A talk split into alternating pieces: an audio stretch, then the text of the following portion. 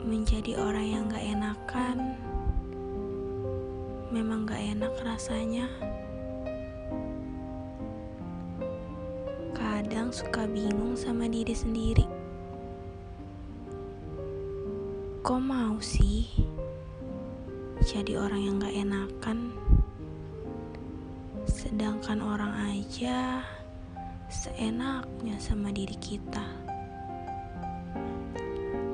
Tapi kembali lagi Jadi orang yang gak enakan aja Kadang Suka disakiti